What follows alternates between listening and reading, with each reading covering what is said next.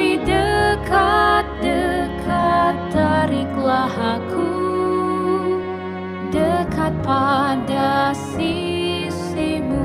Mari bersama Radio Advent Suara Pengharapan mengikuti pelajaran Alkitab melalui audio Sekolah Sabat. Selanjutnya kita masuk untuk pelajaran kelima periode 22 sampai 28 Juli.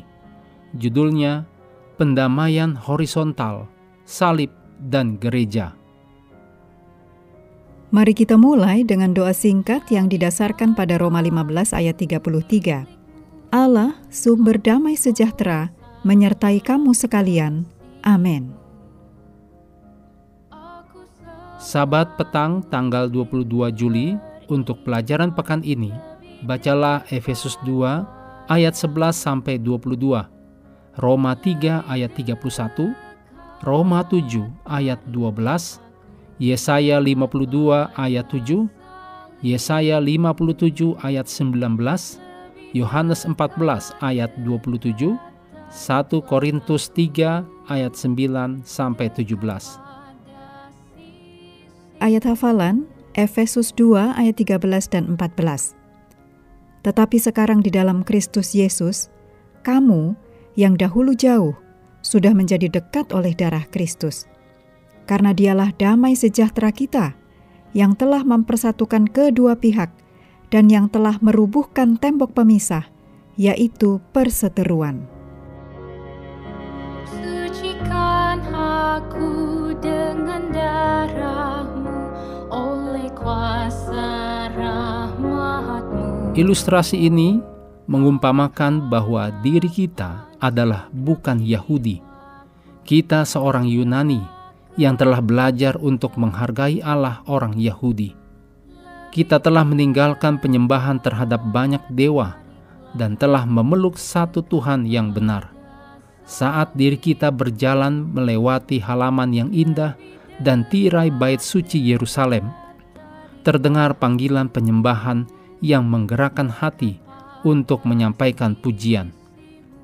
Namun, saat itu kita menemukan diri dihadapkan kepada batu penghalang setinggi empat kaki. Tertulis di setiap tempat dalam bahasa Latin dan Yunani adalah peringatan ini. Tidak ada orang asing yang boleh masuk melewati pembatas di sekitar bait suci. Siapa pun yang ketahuan melakukannya akan bersalah atas kematiannya sendiri. Pada saat itulah kita merasa terkucil, terasing, dan terpisah. Dalam Efesus 2 ayat 11 sampai 22, Paulus melihat salib Kristus itu membuat perbedaan yang dramatis, yaitu menghancurkan penghalang dan tembok seperti ilustrasi tadi. Secara vertikal, salib menghilangkan keterasingan, mendamaikan manusia dengan Tuhan Secara horizontal, salib mendamaikan orang satu sama lain. Salib menghilangkan permusuhan dan membawa perdamaian antara orang Yahudi dan bukan Yahudi. Menjadikan mereka satu manusia baru. Ditulis dalam Efesus 2 ayat 15.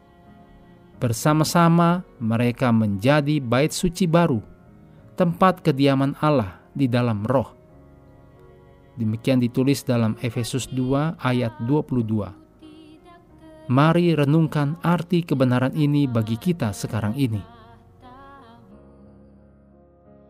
Mengakhiri pelajaran hari ini, kami terus mendorong Anda bersekutu dengan Tuhan setiap hari bersama dengan seluruh anggota keluarga, baik melalui renungan harian, pelajaran sekolah sahabat, dan bacaan Alkitab sedunia, percayalah kepada nabi-nabinya, yang untuk hari ini melanjutkan dari Mazmur 77.